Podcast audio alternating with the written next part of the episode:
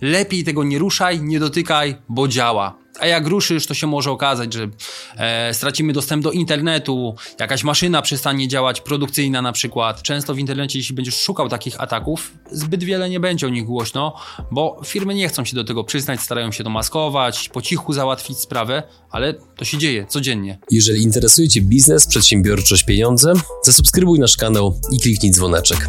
Partnerami przygód przedsiębiorców są IBCCS Tax, spółki zagraniczne, ochrona majątku, podatki międzynarodowe, Fullbacks, kompleksowa obsługa importu z Chin oraz pomoc na każdym jego etapie, Fit Group, nowoczesne kamienice gwarancją przyszłości.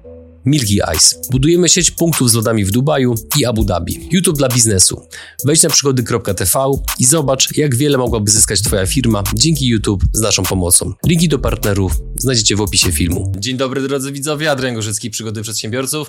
Witam Was w odcinku, w którym prawdopodobnie włożymy kij w mrowisko w niektórych środowiskach, ponieważ jeżeli jesteście właścicielami biznesów, a prawdopodobnie nimi jesteście, skoro oglądacie ten program, to u niektórych z Was być może obserwujecie takie zjawisko, które ja sobie tak pieszczotliwie w rozmowie z moim dzisiejszym gościem jeszcze przed nagraniem nazwałem, że istnieje coś takiego jak taka trochę mafia IT, czyli ludzie, którzy są administratorami danych, administratorami IT, tymi ludźmi od komputerów, od serwerów, którzy często tak układają swoje stanowisko pracy, że potem się nagle okazuje, że są niezastępowalni w firmie, że są nie do ruszenia, że praktycznie mają z automatu dożywotni etat.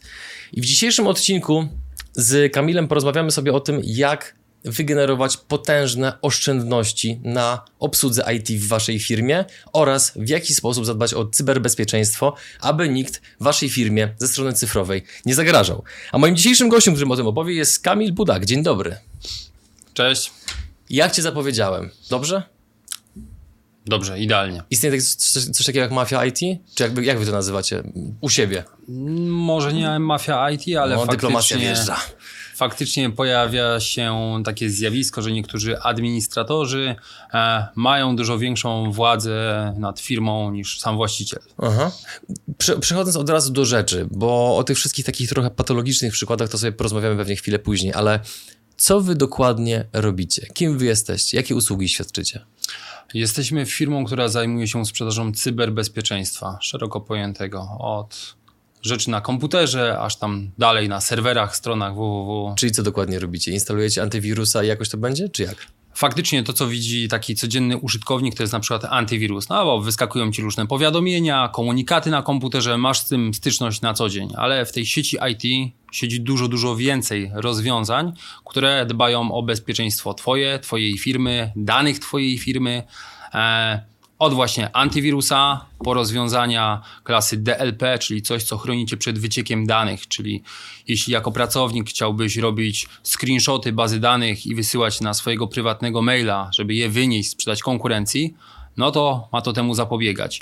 No ale takich rozwiązań jest dużo więcej, na przykład firewall, czyli coś, co chroni twoją firmę przed tym, żeby na przykład jakiś wrogie państwa, cyberprzestępcy albo jakieś agencje e, zagraniczne nie wpłynęły na płynność działania Twojej firmy, na przykład nie zastopowały całego działania sieci IT w Twojej organizacji. Mhm. A powiedz mi, jaka jest skala, nazwijmy to, bo mam, mam takie wrażenie, że często jak się mówi o przedsiębiorcach w niektórych kręgach, to się używa takich bardzo pejoratywnych określeń, więc ja chciałbym tutaj troszeczkę to wszystko, wszystko, wszystko i odwrócić tą narrację, ponieważ Ostatnio podczas Święta Kapitalizmu, naszej konferencji, rozmawiałem z dwiema osobami i jedna z nich została oszukana przez swoją asystentkę na 700 tysięcy, czego oczywiście też była współwinna, bo za bardzo zaufała, no ale no trudno. Druga osoba została oszukana na mniej więcej milion.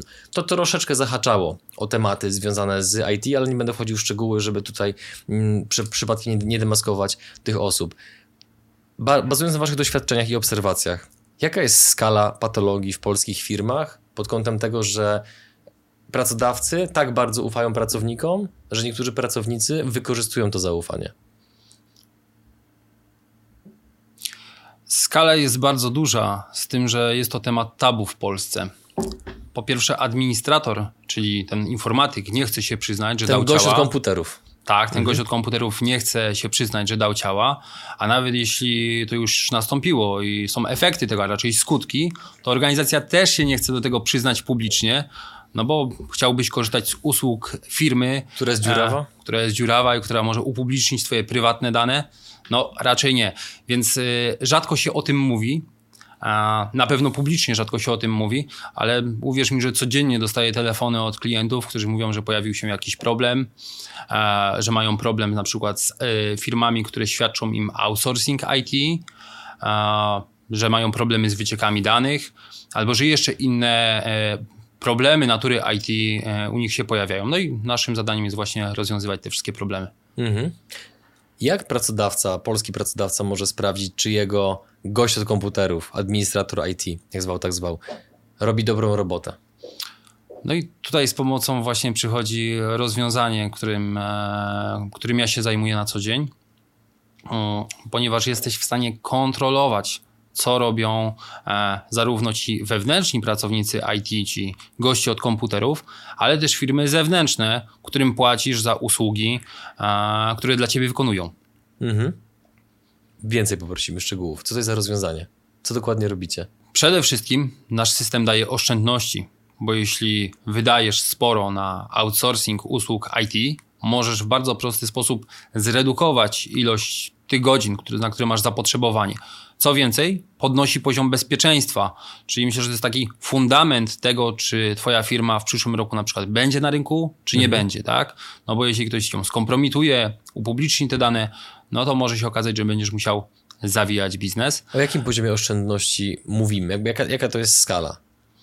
Co, znamy firmę, która na outsourcing usług IT wydawała rocznie około 800 tysięcy złotych. Nie mało. Nie mało. E, Po wdrożeniu systemu klasy PAM udało im się zredukować, zredukować ilość potrzebnych godzin o połowę, no co prawdopodobnie wiąże się z oszczędnościami około 400 tysięcy. 400 tysięcy. To kupa siana. No tak, sporo pieniędzy, e, więc może nie będzie to jakaś, można potraktować to jako swego rodzaju inwestycje, tak, że jeśli redukujesz te koszty, no to ten system ci się może po prostu e, zwrócić. A tak gdybyś miał oszacować, to patrząc przez pryzmat wszystkich waszych dotychczasowych klientów, to te oszczędności wygenerowujecie dla połowy, dla większości, dla mniejszości. Jaka jest prawdopodobieństwo sukcesu, że współpracując akurat z wami, będę miał właśnie wygenerowane oszczędności? No jeśli korzyst, korzystasz z outsourcingu IT, no to szansa jest y, bardzo duża, że zaoszczędzisz. No bo spójrz, że każda firma ma stronę www. Bardzo często tą stroną zarządza ktoś z zewnątrz. E, Zazwyczaj właściciel nie wie, ile faktycznych godzin pracy musi być wykonanych, żeby ta strona odpowiednio wyglądała, była odpowiednio bezpieczna, aktualizowana. Każda firma ma jakąś bazę danych, ma system CRM do zarządzania swoimi klientami, tak? Systemy logistyczne, magazynowe. W większości przypadków e, tymi systemami, tymi serwerami zarządzają firmy zewnętrzne, a tanie usługi to nie są. Mhm. Jakie są najczęstsze obiekcje waszych klientów przed taki, tego typu systemem? No bo je, je, jeżeli jest tak, jak mówisz, pod kątem funkcjonalności, generowanych oszczędności, no to to jest system, który na pewnym etapie prawdopodobnie potrzebuje każdy przedsiębiorca.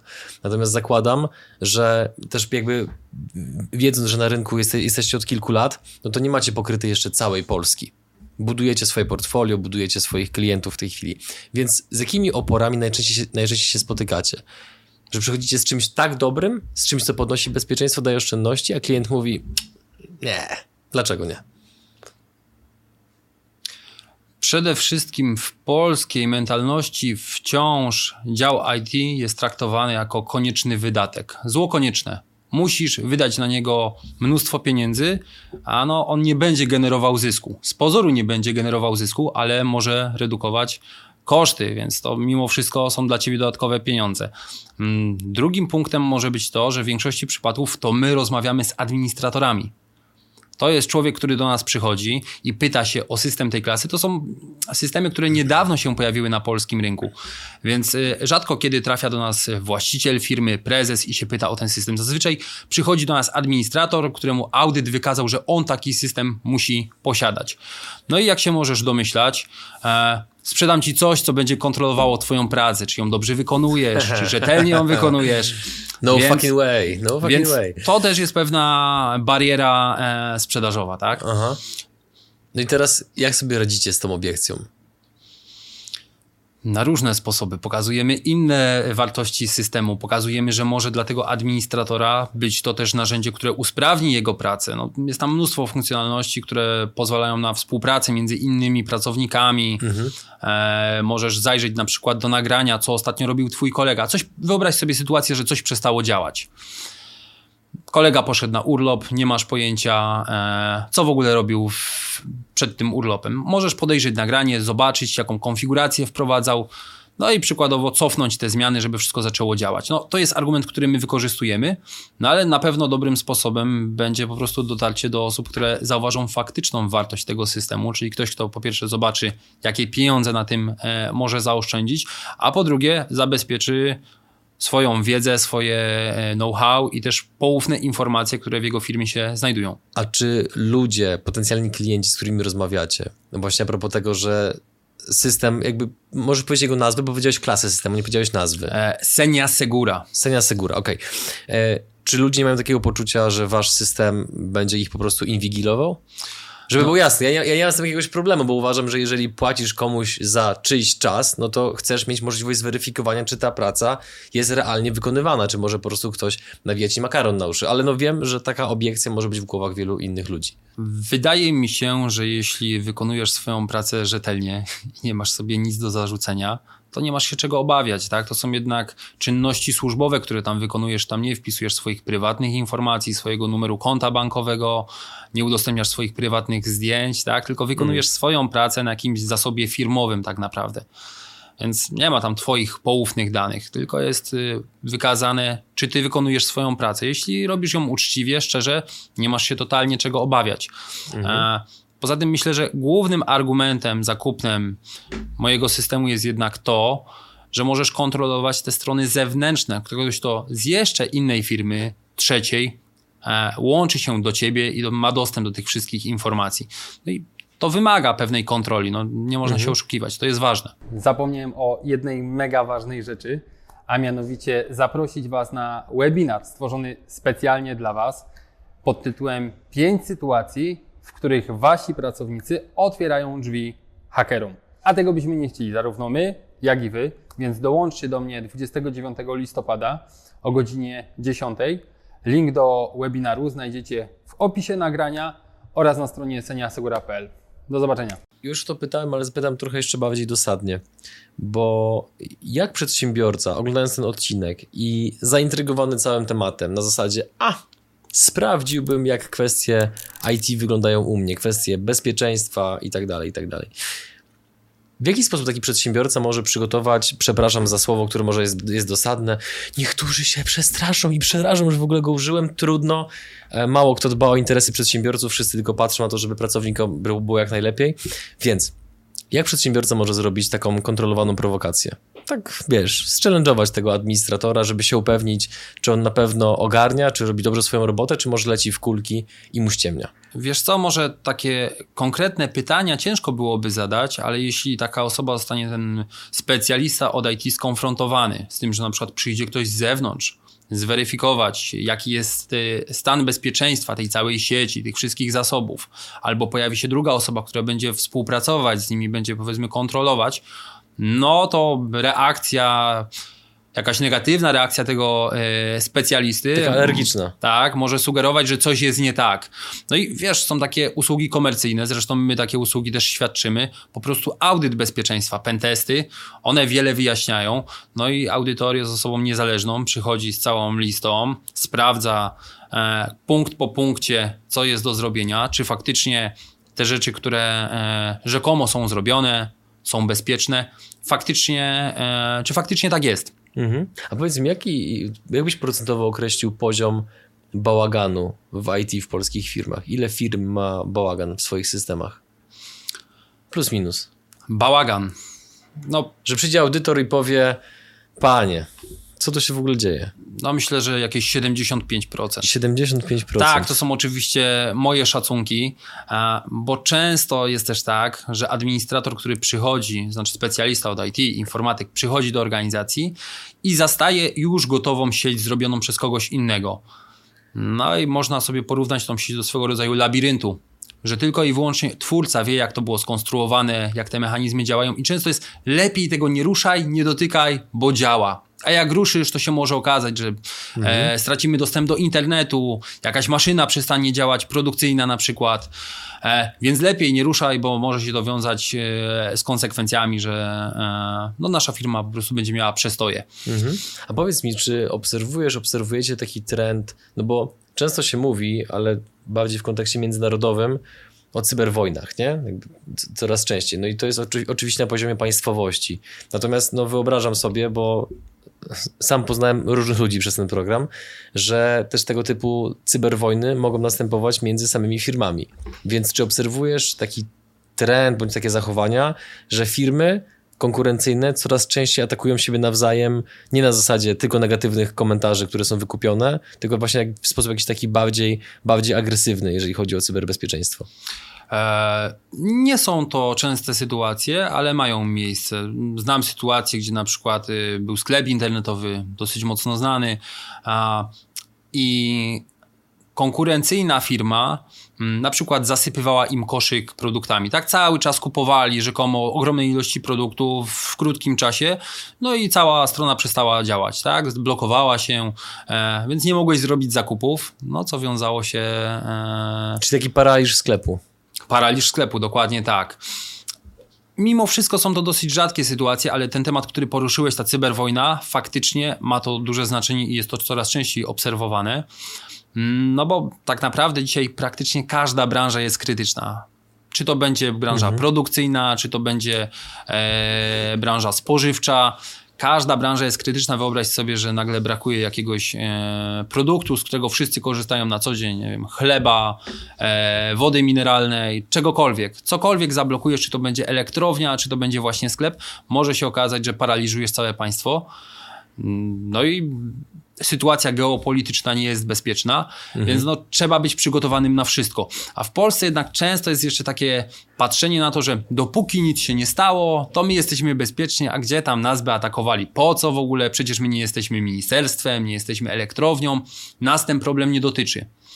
E, tak jak mówiłem, często w internecie, jeśli będziesz szukał takich ataków, zbyt wiele nie będzie o nich głośno, bo firmy nie chcą się do tego przyznać, starają się to maskować, po cichu załatwić sprawę, ale to się dzieje codziennie. Mhm. Takich ataków jest mnóstwo, ataków, wycieków. Na jakie zachowania, maile, bądź cokolwiek, co dopływa do naszej firmy za pomocą maila czy innej formy kontaktu, na jakie rzeczy nasz pracodawca powinien szczególnie uczulić swoich pracowników, żeby przypadkiem ktoś właśnie nie przejął kontroli nad komputerem, nie zyskał e, nie, nieodpowiednich dostępów do naszych, powiedzmy, serwerów, konta bankowego czy innych newralgicznych miejsc? Na pewno użytkownicy nie powinni albo podawać, jeśli znają te hasła, nie powinni ich nigdzie podawać, czy to mailowo, czy telefonicznie, czy klikać w jakieś linki. Nigdy administrator, czy tam specjalista IT nie przyjdzie, nie poprosi o takie hasła. No i musisz uważać na takie sytuacje, które wykorzystują socjotechniki, czyli w piątek o godzinie 16 e, prezes wysyła ci e, wiadomość mailową, że szybko trzeba się zalogować do jakiegoś portalu, podmienić jakiś numer konta albo przydzielić dostęp, albo firma, która e, obsługuje z was z zewnątrz prosi taką przysłowiową panią Krysię z księgowości, żeby się zalogowała o 16 szybko do swojego systemu, bo oni muszą sprawdzić, czy wszystko działa. No i pod wpływem właśnie emocji, pośpiechu, wiadomo, piątek, 16, trzeba już szybko do domu wracać. Osoby nie są do końca uważne i logują się do takich systemów tak naprawdę dając dostęp do tych wszystkich poświadczeń, do tych haseł a, przestępcom, hakerom.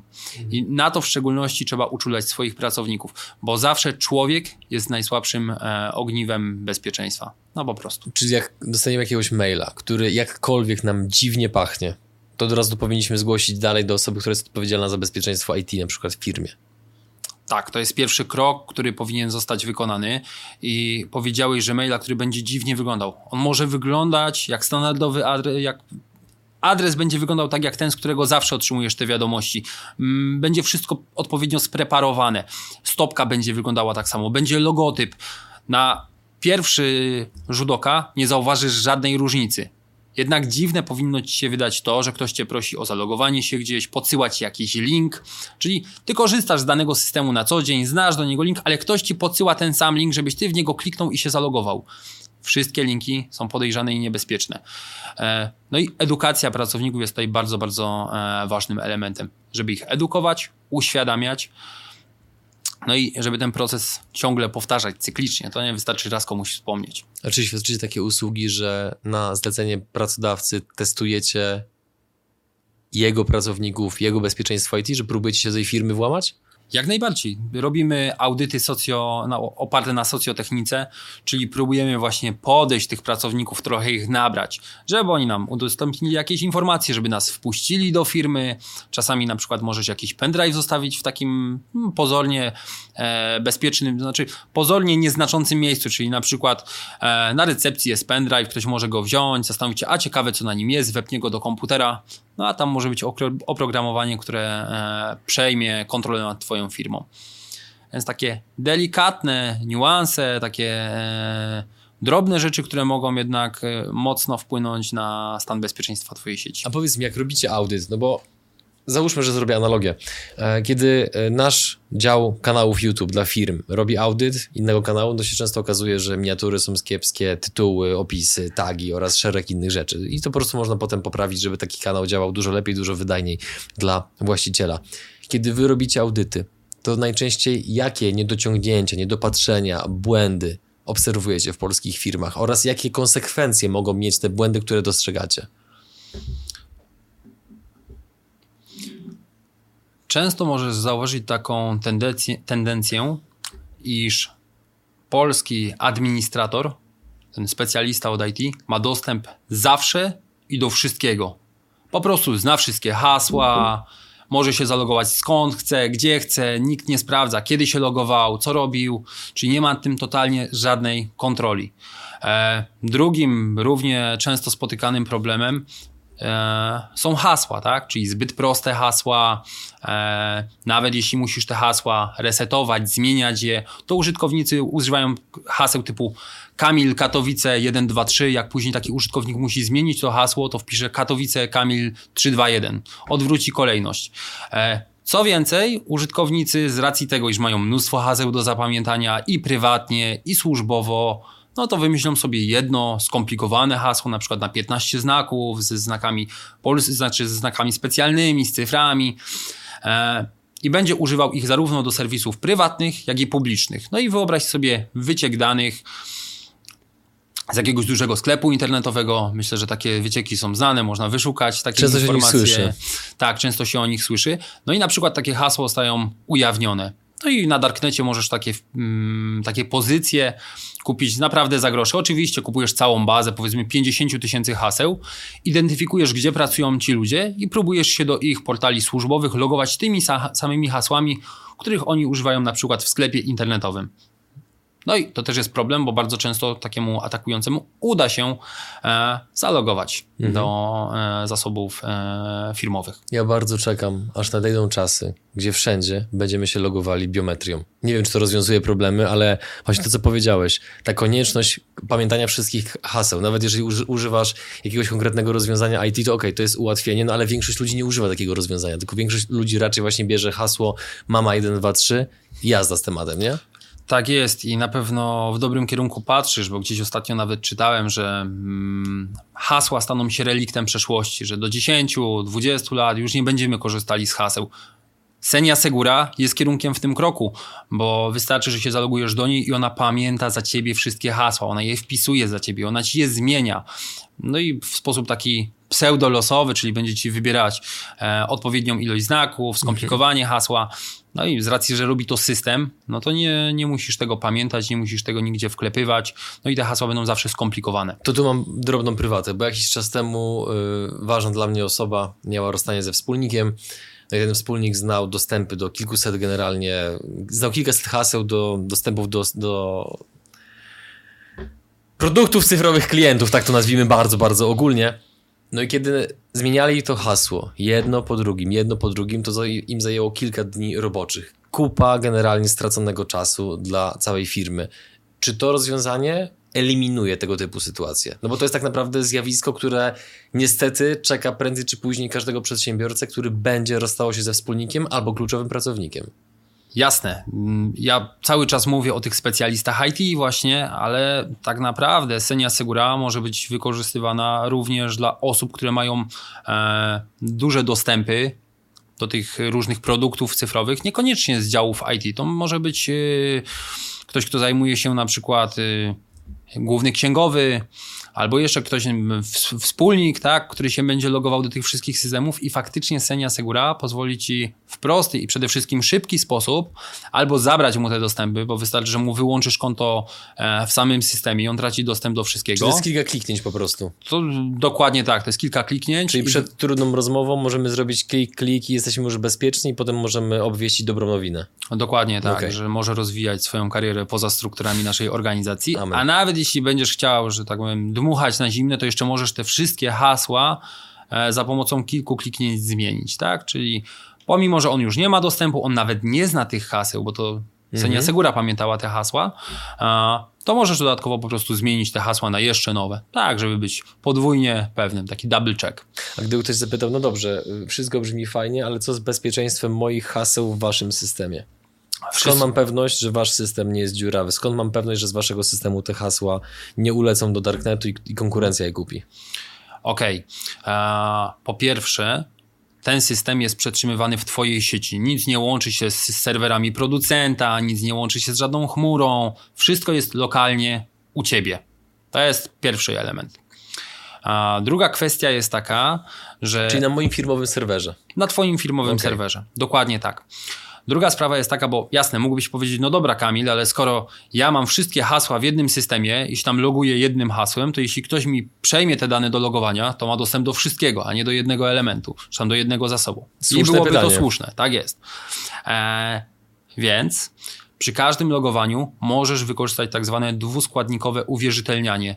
To są takie mechanizmy, które są chyba wszystkim znane. Google Authenticator, Microsoft Authenticator, jakieś SMS-y, tak? Czyli dostajesz jeszcze jakiś drugi kod, który jeszcze potwierdza to, że ty to jesteś na pewno ty. No bo żeby ktoś przejął ci taki dostęp, musiałby ci ukraść telefon, nie wiem, odciąć palca albo wydłubać oko, tak? Żeby jeszcze e, zalogować roboty. się do tego systemu. No, dokładnie tak. Mhm. Więc są takie dwa mechanizmy zabezpieczające, a tak naprawdę tych mechanizmów jest wiele, wiele więcej. No i sam system, tu chyba muszę użyć e, żargonu e, informatycznego, jest odpowiednio zhardenowany, zabezpieczony, utwardzony, że nie jesteś w stanie do niego zajrzeć i przeczytać te hasła, bo one są odpowiednio tam zmodyfikowane, zmienione, e, tak żeby taki użytkownik nie był w stanie go po prostu podejrzeć. Na co polscy przedsiębiorcy tracą najwięcej kasy, jeżeli chodzi o IT, a poszczególni przedstawiciele tego segmentu IT wmawiają im, że to jest dobrze wydana kasa, pomimo, że mogliby to zaoszczędzić i tego nie wydawać. Mm, Myślę, że najwięcej w IT wydaje się właśnie na obsługę choćby stron www, e, obsługę jakichś systemów, które masz i na pewno można te godziny zredukować.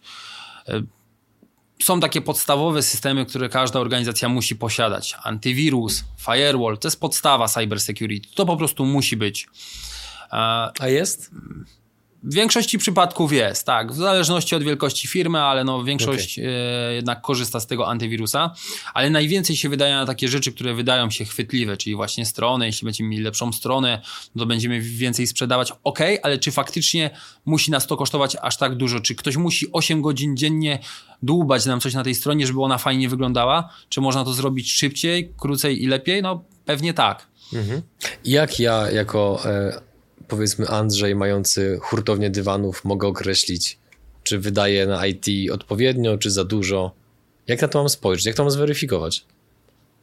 Może to być Andrzej od dywanów pod warunkiem, że na IT wydaje więcej niż 20 tysięcy e, złotych rocznie. Powinien, co, co powinien zrobić? Powinien zweryfikować, e, ile płaci za ten outsourcing, na co konkretnie wydaje, czy na stronę www, czy na obsługę baz danych, czy na rozwiązania właśnie cybersecurity. Co więcej, nawet często się zdarza tak, że e, organizacje kupują pewne produkty, ale ich nie wdrażają. Czy przypadkiem nie ma takiej sytuacji, że u, ni- że u nich w firmie jest system, e, który został zakupiony, ale nikt z niego nie korzysta? To jest też dosyć częste, często występujące zjawisko. Jak takie coś się może zdarzyć, powiedz mi? Wydajesz Tak. kupę siana na system, którego nikt nie używa. bo później się okazuje, że specjaliści, których zatrudniłeś, nie do końca są specjalistami i nie do końca wiedzą, co w ogóle mają robić, tak? No i głupio iść do szefa i przyznać i powiedzieć, słuchaj, bo kupiliśmy, ale no ja nie wiem, jak to skonfigurować, jak tym zarządzać. No i tutaj tak naprawdę mogę zaprosić Was, naszych widzów, do tego, e, żebyście skontaktowali się ze mną, e, bo jestem chętny, jeśli wydajecie więcej niż te 20 tysięcy złotych e, rocznie na outsourcing IT, chętnie możemy Wam zweryfikować, czy macie jakieś rozwiązania, możecie skorzystać też z naszych audytów, ale ja chciałbym Was zaprosić do konsultacji ze mną. Możecie Bezpłatnej napisać, trzeba zaznaczyć. Bezpłatnych konsultacji. Możecie napisać na mój adres mailowy budak.k dagma.pl e, i możemy porozmawiać, jak wygląda u Was sytuacja, czy możemy Wam e, pomóc w jakiś sposób. E, ustalimy, bo może możecie zredukować te koszty, może możecie usprawnić swoją, swoje IT. Zajmuję się wieloma rzeczami, więc rozmowa nic nie kosztuje, zawsze możemy pogadać. Wyobrażam sobie, że niektórzy, być może administratorzy, którzy przyciągnię, przyciągnięci miniaturą i tytułem tego odcinka oglądają, to sobie myślą, boże, żeby tylko Co za gość. na to nie trafił, nie? żeby tylko na to nie trafił, żeby tylko na to nie trafił. E, dobrze, idąc dalej. Co jeszcze powinno Twoim zdaniem w tym odcinku wybrzmieć? Co polski przedsiębiorca, co, z czym go powinieneś zostawić? Żeby nad tym sobie pomyślał, porozmyślał w domu, czy w biurze, przy herbacie, przy kawie, a propos swojego działu IT w firmie, żeby to działało, żeby to nie przynosiło mu kosztów, tylko generowało realne oszczędności, podnosiło bezpieczeństwo. Powinien się zastanowić, czy oprócz tego, że lubi swój dział IT, ludzi, którzy tam pracują i jak długo oni pracują, to czy ma stuprocentową pewność, co oni robią. I to myślę, że warto zostawić z taką myślą na koniec naszych słuchaczy, e, żeby to zweryfikowali. I tu stawiamy kropkę, drodzy widzowie, słuchacze. Jeżeli macie jakiekolwiek ciekawe historie, albo mieliście różnego rodzaju przeboje z gośćmi od komputerów, to dawajcie znać w komentarzu pod tym filmem, po to, żebyśmy wszyscy się wspólnie edukowali i żeby inni przedsiębiorcy nie musieli popełniać błędów, które przypadkiem popełniliście wy. Dziękujemy Wam za Wasz czas. Dzięki Kamil za Twoją otwartość, za chęć uświadomienia polskich przedsiębiorców o tym, że mogą w niektórych obszarach stąpać po cienkim lodzie, a wiadomo, jak to się może skończyć. E, dziękuję Ci też przede wszystkim za to, że o rzeczach trudnych mówiłeś w sposób prosty, zrozumiały, bo to jest prawdziwa sztuka. Mam Brawa. nadzieję, że tak było. Dzięki.